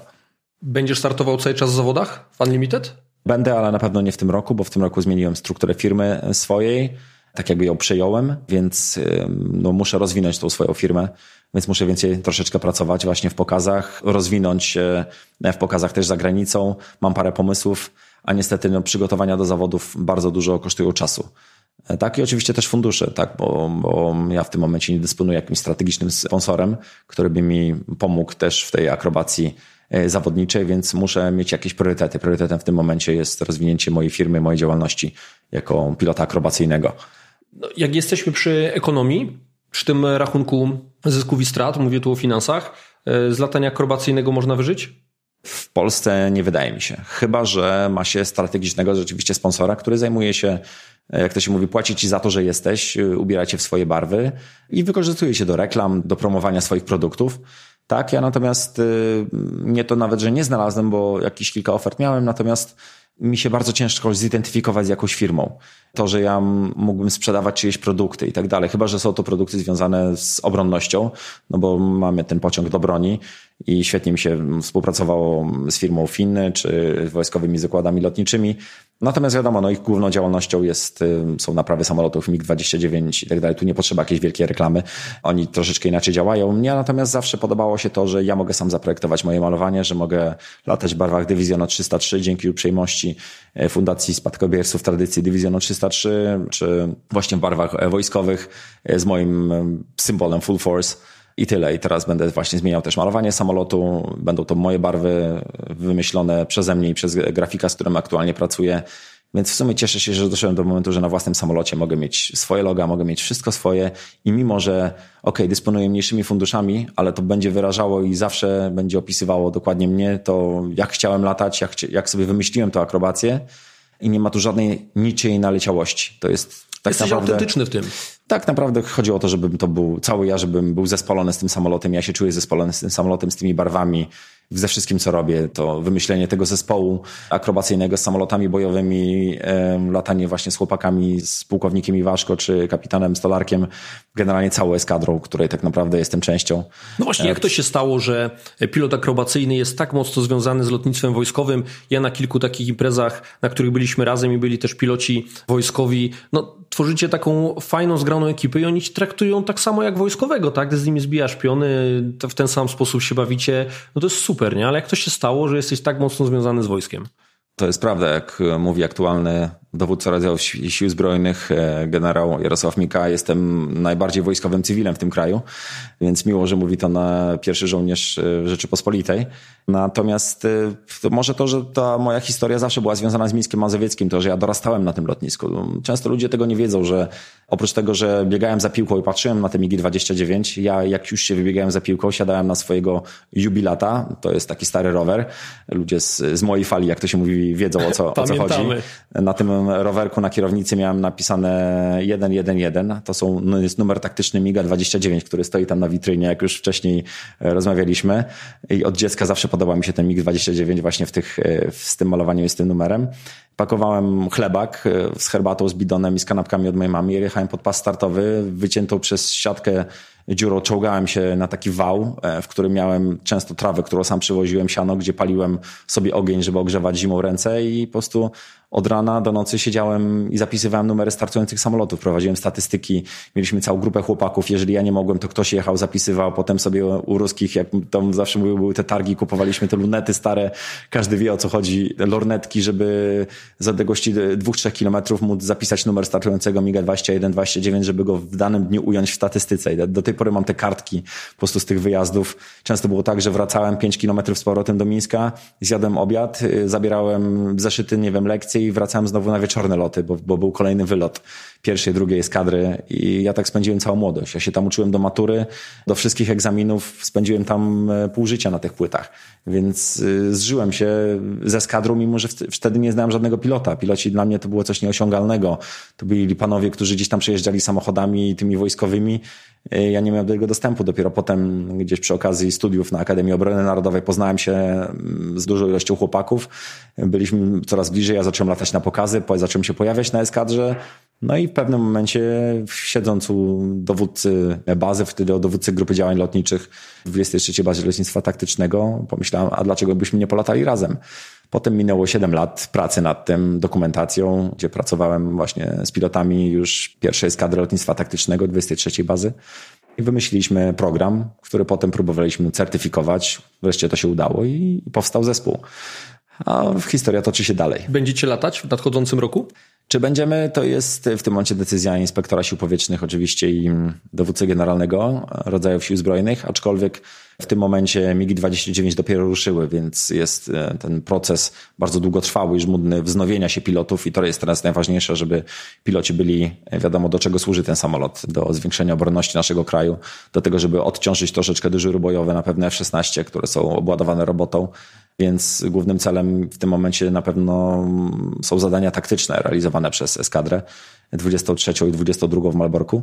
Natomiast jeżeli chłopaki i gdy chłopaki się wznowią do combat ready, tak zwanego i będą znowu móc spełnić dyżury bojowe, na pewno wróci temat pokazów i zobaczymy po prostu, czy w ogóle dowództwo będzie chciało, aby MiG-29 dalej występował na pokazach, bo jeżeli tak, to ja nie mówię, że musimy kręcić pełny pilotaż, tak, ale żebyśmy chociaż wykonali jakieś elementy dla ludzi, bo na pewno to niespotykane jest. Jesteśmy pierwszym zespołem tego typu na świecie.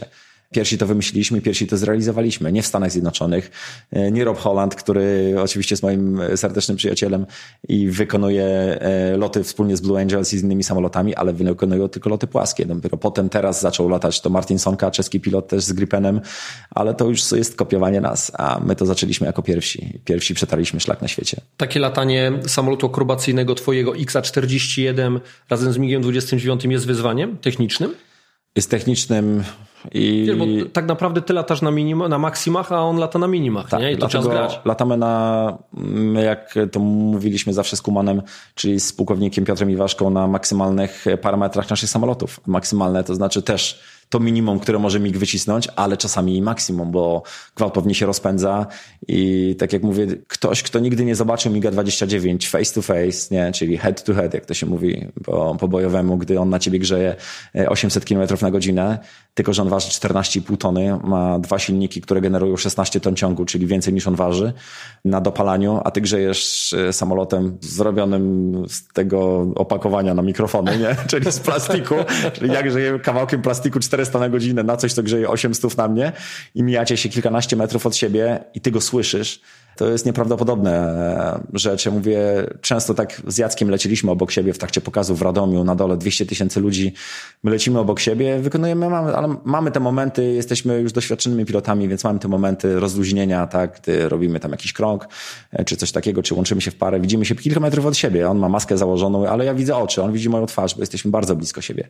Często tak potem siedząc gdzieś wieczorem mówię, kurczę, jak to się w ogóle, że my tam, że my tam obok siebie jesteśmy, nie? Jak to jest możliwe, że my możemy to przeżywać. To jest naprawdę duże przeżycie do tej pory. Teraz, nie wiem, za dwa dni jadę na święta i będziemy siedzieć z chłopakami na pewno gdzieś tam wieczorem sobie siądziemy, będziemy rozmawiać o tym i zawsze to wszystko wspominamy. Te wspólne loty są niesamowite emocje, które do końca życia będą nam towarzyszyć, nawet jeżeli nie oglądamy tych filmów, które ja gdzieś tam robiłem, czy ktoś tam dla nas przygotowywał, ale te wspomnienia to są niesamowite, bo tego po prostu nikt wcześniej nie robił. E, więc znaleźć się takim samolotem tak blisko samolotu bojowego i odwrotnie jest bardzo, bardzo dużym skokiem adrenaliny i po prostu przeży, przeżywa się to. Jeżeli zaczynam już o tym mówić, to tak naprawdę tętno mi wzrasta i ja czuję, że już mam 90. Ja widzę, że jak chodzisz przy stole, no. już przebierasz nogami nerwowo. E, ale to, to jest genialne, że potrafi lotnictwo tyle emocji w tobie wzbudzić. W ogóle ja sobie cenię, jeżeli ktoś ma takie hobby, taką pasję, która kreuje w nim tyle emocji. Nie? To, jest, to, jest, to jest nie do podrobienia. Tego nie zastąpisz niczym innym. Coś takiego trzeba przeżyć, żeby to zrozumieć. To prawda. To jest perpetuum mobile i tak jak mówię, dlatego zawsze będę zachęcał do lotnictwa, bo to jest niesamowita przygoda. Nigdy nie wiesz, co cię jeszcze spotka. Ja nie sądziłem, że w ogóle dojdę do tego momentu, gdzie będę siedział za starami samolotu odrzutowego i grzał 700 na godzinę między budynkami, między wieżowcami gdzieś po środku Chin. Tak sobie wtedy pamiętam, myślałem, mówię, co ja tu kurczę robię, nie? Siedzę bez fotela katapultowego na jakiejś rakiecie, grze jest maksymalną prędkością rozpędzony, dachy są powyżej.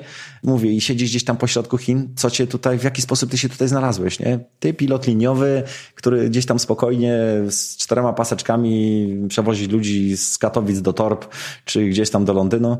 Potem za 15 minut później lądujesz, pijesz wodę, przesiadasz się i grzejesz na samolotach akrobacyjnych, więc to jest to, że człowiek nigdy nie wie, gdzie to lotnictwo go zaprowadzi. To jest tak niesamowita przygoda, ale oczywiście wszystko zależy od ciebie, czego ty chcesz, bo najpierw, żeby tam się znaleźć, ty musisz to mniej więcej zaplanować. Czyli żeby się znaleźć ze sceną samolotu akrobacyjnego, nie znajdzie się tam z, z, przypadku. Ty musisz tego chcieć, ty musisz wyjść rano, o tej szóstej wstać wcześniej, zacząć się uczyć, wydać kasę, ale przeżyjesz niesamowitą przygodę.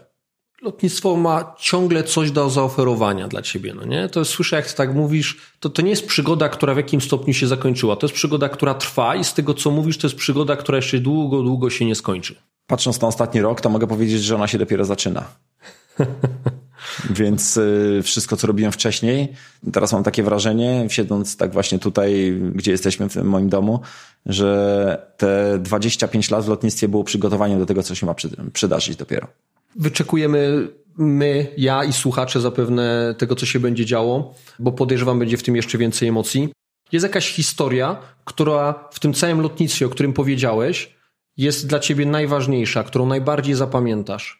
W tym momencie, na tą chwilę, z tego co przeżyłem, to jest historia, o której rozmawialiśmy, czyli rozpoczęcie się, bo to było takie dla mnie ukoronowanie kariery pilota akrobacyjnego. Oczywiście tytuły też, bo fajnie było zostać wicemistrzem świata na Igrzyskach Olimpijskich, przeżyć to, znaczy na Igrzyskach Olimpijskich, na Igrzyskach Lotniczych w Dubaju, czy, czy stanąć wśród dziesięciu najlepszych pilotów na świecie akrobacyjnych, ale tym uwieńczeniem dla mnie było rzeczywiście połączenie tego lotnictwa wojskowego, którego nie mogę być elementem, no bo trzeba było się na to zdecydować, albo jestem w wojsku, albo w cywilu i nie wiem, odebranie nagrody nagrody, pamiętam, e, gdzie musiałem się w, w 4 sekundy nauczyć e, maszerować, bo odbieraliśmy nagrodę Udało z, się? z Jackiem Stolarkiem na pokazach w Radomiu, e, przedostatnich, za najlepszy pokaz pilota cywilnego i wojskowego. I z Jackiem musiałem, co prawda, bez furażerki, ale do dowódcy generalnego podejść właśnie krokiem marszowym. To było super. Wcześniej podpatrzyłem Wojtka Krupę, który oczywiście jako pułkownik Wojska Polskiego zrobił to perfekcyjnie, więc to było, mówię, tak sobie, mówisz, jest, to jest niesamowite, gdzie mnie życie zaprowadziło, nie? Teraz maszeruję. Szybka nauka. Natomiast tych historii było bardzo dużo, szczególnie te, te na samym początku, te historie, gdzie niestety kilkakrotnie mało nie straciłem życia e, i to do końca życia będę pamiętał, szczególnie gdy gdzieś w pobliżu stały osoby, które w tym momencie nie żyją, bo popełniły błąd, tak jak świętej pamięci Marek Szufa, któremu strasznie chciałem zaimponować i zrobiłem wiele głupot, e, żeby to zrobić. Oczywiście zaimponowałem w bardzo negatywny sposób, bo latałem nisko, latałem niepewnie, gdzieś tutaj e, w tym momencie z mojego tarasu widać drzewo, nawet które kiedyś trąciłem skrzydłem, obracając się troszeczkę za nisko, bo nie wiedziałem o tym, że oko zupełnie inaczej pracuje. Jeżeli obracasz się wielokrotnie w beczce, to się do tej pory nauczyłem, więc y, jest coś takiego w lusterku, tak, że tam obiekty y, są troszeczkę dalej niż normalnie, czy odwrotnie, już nie pamiętam. W każdym bądź razie, jak się kręcisz, robisz wielokrotną beczkę, ja tych beczek czasami robię na przykład 20, często widać na pokazach, muszę mieć pewność, że nos jest nad horyzontem i że mam odpowiednią prędkość i, odpowiedni opór na sterach. Ciężko mi jest to wytłumaczyć, ale ważne, żeby nos był nad horyzontem, bo wydaje ci się, że jesteś o wiele dalej niż jesteś naprawdę. I ja wtedy pamiętam pierwszy raz się obracałem się, gdy zatrzymałem beczkę, w tym momencie to drzewo już było na samolocie. Ja, zobaczyłem drzewo na sobie, ono się nałożyło na samolot i, i pyknąłem koronę. Tak, oczywiście, a dobra, męski jestem, e, wykonuję pilotaż dalej, tak? Pamiętam, wylądowałem, Marek Szufa popukał się po głowie, powiedział, że się zabijesz, jak będziesz tak latał. To mi bardzo zostało w głowie i oczywiście ja latam nisko, e, robię różne rzeczy, latam pod mostem na plecach. O, to była kolejna oczywiście rzecz, która to rzeczywiście zapisała mi się bardzo głęboko, bo to była najniebezpieczniejsza rzecz w sumie, jaką zrobiłem. Natomiast no to utkwiło bardzo w głowie. Czułeś stres? Czułem bardzo duży stres. Ale on ci mobilizował, czy jednak trochę paraliżował? Zdecydowanie, bo ja wystartowałem. Po tym czułem, że nie chcę już więcej czegoś takiego zrobić. Że to jest już może nie 50 na 50, bo tam oczywiście, jeżeli by mnie trafił ptak, byłoby 50 na 50. Ja wiedziałem, że jestem w stanie to zrobić, ale tak nisko, nad rzeką, która nie ma fal, e, nie było wtedy za bardzo słońca. Słońce się pojawiło dopiero po przelocie. To jest parę sekund, nie? Decydujesz się albo nie. Ruch wstrzymany, policja stoi, pociągi stoją, ludzie stoją, wszystko stoi jest bardzo dużo na tobie takiego ciśnienia, tak jakby. A ty wisisz nad tym wszystkim w samolocie i widzisz tych wszystkich ludzi, którzy na to czekają, żebyś ty to zrobił. I teraz wchodzę czy nie wchodzę? Za chwilę mogę nie żyć, nie? E, myślisz o w swoich rodzicach, o swojej siostrze w tym, w tym momencie, o rodzinie e, najbliższej i taka trochę retrospekcja. I już kiedy wchodzę, nie? Przygotowywałem się, latam na tych plecach jak szalony. Zresztą dzisiaj trochę ludzie zobaczą też w jakich innych aspektach, jak można to zrobić. No tak, zrobiliśmy taką przedpremierę, nie? Filmu. Właśnie, więc coś tam wrzucimy. Więc y, to było na pewno niebezpieczne i rzeczywiście do tej pory czuję, że nie chciałbym tego zrobić, nie, nie, chcę, nie chcę tego zrobić drugi raz, że wystarczy, że chyba gdzieś tam nagiąłem tą, tą strunę już tak, tak bardzo nisko, nie? bo mówię, trzeba się przelecieć, nie wiem, 5 metrów najpierw nad wodą na plecach, żeby zobaczyć, jak to się czuje, a 5 metrów, proszę mi wierzyć, to jest bardzo nisko, szczególnie nad zbiornikiem wody, który jest bardzo szeroki. Wisła, jak się leci na wysokości 2-3 metrów, jest bardzo szeroka, już więc już nie widać tych boków, więc nie ma punktów odniesienia, bo każdy może powiedzieć, że nad morzem jest inaczej. Nie, nieważne jest nad czym się leci, ważne jak się nisko leci. I z wodą rzeczywiście, z tymi iluzjami, tak jak wcześniej rozmawialiśmy, bo mieliśmy też chyba o tym porozmawiać, trzeba bardzo zwracać uwagę przede wszystkim właśnie w lotach też, no, w normalnym, już nie mówię na plecach, ale w, normalnie, gdy lecimy na małej wysokości, pogoda nas dociska, dociskają nas chmury, pamiętać o tym, że tam jest woda i nie do końca w tym momencie patrzymy na przyrządy, jeżeli lecimy na V, czyli lecimy z widzialnością po prostu, e, bardzo się można zwieść, szczególnie gdy zakręcamy, że nie, nie jesteś pewnie, kiedy samolot się zniża, tak naprawdę lecisz na 10-15 metrach gdzieś nad koronami, czy lotnisko jest w pobliżu i ta woda rzeczywiście może spowodować, że znajdziesz się o wiele niżej niż byś chciał. I często tak jest. Jesteś idolem wielu pilotów, a czy masz jakiegoś własnego idola? Na pewno tak. Oczywiście teraz jest kwestia taka, czy mówimy o rodzaju człowieka, o jego skromności, o jego umiejętnościach, bo jest wielu pilotów akrobacyjnych, którzy mi e, imponują. No, kto na przykład? Zdecydowanie Rob Holland, który jest e, bardzo skromnym facetem, jest bardzo fajnym kolegą, e, jest rewelacyjnym fachowcem, jest bardzo skoncentrowany na tym, co chce zrobić. To jest, można powiedzieć, taki pilot kompletny. Tak, on ma zamknięte klapki dokładnie tylko i wyłącznie na, na lotnictwo akrobacyjne. Oczywiście ma ten komfort, że. Robi na, tylko to. Robi tylko to, to jest jego główna praca, jest, żyje w takim kraju, a nie innym, czyli w Stanach Zjednoczonych, czyli tam, gdzie lotnictwo to powstało. No, większe możliwości są rozwoju, przede wszystkim jest o wiele więcej pokazów, na których można pracować i oczywiście są większa możliwość zarabiania na tych pokazach, więc można się z tego utrzymać. Poza tym dochodzą sponsorzy, więc można rzeczywiście fajnie to poukładać i Rob to świetnie rozwiązał. Ale przede wszystkim też chodzi o to, jakim jest człowiekiem, bo jest człowiekiem bardzo skromnym, bardzo przyjacielskim, który się dzieli wiedzą, co jest y, czasami bardzo rzadkie, tak jak w każdym profesjonalnym sporcie. Na pewno takim pilotem jest też Hiszpan Castor Fantoba, rewelacyjny człowiek, który całe życie też oddał tej akrobacji, dalej trenuje. Z wielu pilotów tak naprawdę, Michał Mamistow, wszyscy znają Michaiła, wielokrotny mistrz świata, tak naprawdę człowiek, który najwięcej zdobył tytułów mistrza świata w akrobacji Unlimited. Jak ja to mówię, człowiek, który ma amputowane nerwy, tak? On cały czas ma tą samą minę, czy wejdzie do samolotu, czy wyjdzie, czy właśnie został mistrzem świata. E, natomiast bardzo miły, ciepły człowiek, e, który ma niesamowite umiejętności pilotażowe. I mógłbym wymieniać w nieskończoność, bo tych ludzi jest dużo, co mnie też bardzo cieszy, bo miałem możliwość poznać tak naprawdę i obracać się w towarzystwie najlepszych pilotów świata. Ale bardzo się cieszę przede wszystkim też z ludzi, których mogłem poznać dookoła, tak, bo mogę rzeczywiście otoczyć się gromadą ludzi, których mogę wielu nazwać świetnymi kolegami, nawet przyjaciółmi, z którymi spędzam to życie, gdzieś tam razem latamy, mijamy się, cieszymy się naszą pasją i cały czas się spotykamy. Przez wiele, wiele lat żyjemy razem, e, znamy swoje rodziny, spędzamy ze sobą bardzo dużo, dużo czasu i tak naprawdę mogę powiedzieć, że to grono przyjaciół mam kompletne. Ja niczego w życiu więcej nie potrzebuję, tylko żeby żeby to wszystko trwało, bo czasami tak mi się wydaje, że to człowiek, nie wiem, że żyje w jakiejś bajce. Nikt ci o to jeszcze nie zapytał. Ty jesteś cały czas sam. Jak to się dzieje, że pilot, człowiek sukcesu, ktoś, kto zaraża pasją innych, kurczę, cały czas jest sam? To jest prywatne pytanie, ale ja sobie na to pozwalam, bo w sumie nikt ci nie zadawał takich prywatnych pytań.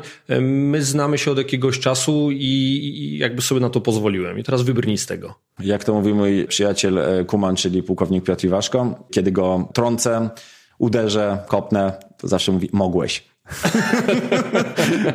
dobrze wybrnąłeś, dobrze Mogłeś. wybrnąłeś. Dlaczego? Hmm. Jak już wcześniej mówiliśmy, często jak wygląda mój dzień od rana do nocy, jest to na pewno dużo mojej w tym winy, bo no bo w tym wszystkim, co robisz. Jest tego to... tak dużo często, że ja mówię, kurczę, czy jest tu miejsce na, drugu, na drugiego człowieka? To, to jest to, że ja się przyzwyczaiłem, bo ja wiem, że miejsce jest. I wiesz, ja... że łatwiej nie będzie z czasem. Nie, bo jeżeli osiągnąłeś jakiś tam sukces, a czuję, że oczywiście no, ten sukces w jakimś tam stopniu osiągnąłem, oczywiście chcę więcej, bo nie uważam, żebym doszedł do jakiegoś momentu, że powinienem zwolnić, no to tego czasu cały czas jest mało. Natomiast yy, wiem, że miejsce potrafiłbym zrobić, no bo jak to się mówi, nieskromnie potrafię wszystko, więc umiem też świetnie zawiadywać czasem. Może po prostu musi pojawić się ktoś też z taką kto pasją. Kto ten czas zabierze. Kto mi ten czas zabierze, po prostu złapie i zabierze.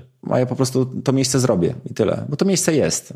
Żyjemy w czasoprzestrzeni, tak? Miejsca jest kupę, w tym domu jest dużo miejsca. I... Nawet masz jeden pokój niezagospodarowany. Nawet jeden pokój niezagospodarowany dla ewentualnej I kuchnię masz. Kuchnię mam. I parę widelców, i talerzy, i stół duży, przy którym siedzimy. No właśnie, i, i, tym akcentem chciałbym tę rozmowę e, zakończyć. Nikt z tobą chyba nie rozmawiał tyle czasu na tyle tematów, nie? Nie. To będzie pierwszy taki wywiad, takiego prawdziwego Artura. Artura z Arturem. Dokładnie. Ale to, to nie było udawane. Ja to raz jeszcze podkreślę, e, jak ludzie obserwują cię w e, mediach społecznościowych, jak mają z tobą kontakt na pokazach, zamienisz z nimi kilka słów, to dokładnie tak samo ze mną rozmawiasz. Nie? To, to, to, to właściwie ta rozmowa, która miała jakiś wydźwięk prywatny, dzisiaj bardziej, to ona byłaby bardzo podobna chyba z obcą osobą, bo ty, ty jesteś autentyczny, więc... Zdecydowanie tak. Żałuję, że nie mogę z każdym sobie posiedzieć i porozmawiać, bo często też wiadomo, że ludzie chcieliby porozmawiać, żeby poświęcić więcej czasu, żeby spotkać się w twoim czasie wolnym, ale jak już wcześniej mówiliśmy, z tym czasem wolnym jest malutki właśnie problemik. I właśnie to, to właśnie tylko dlatego. Wiesz, jak to jest? Ja, jak ciężko sobie, się spotkać, bo zadał... nawet nam się ciężko spotkać, bo patrz, nie mieliśmy czasu wcześniej, żeby sobie tak posiedzieć i pogadać, kiedy my ostatnio byliśmy na obiedzie. Do, dopiero... tej, do tej rozmowy się zbieraliśmy miesiąc.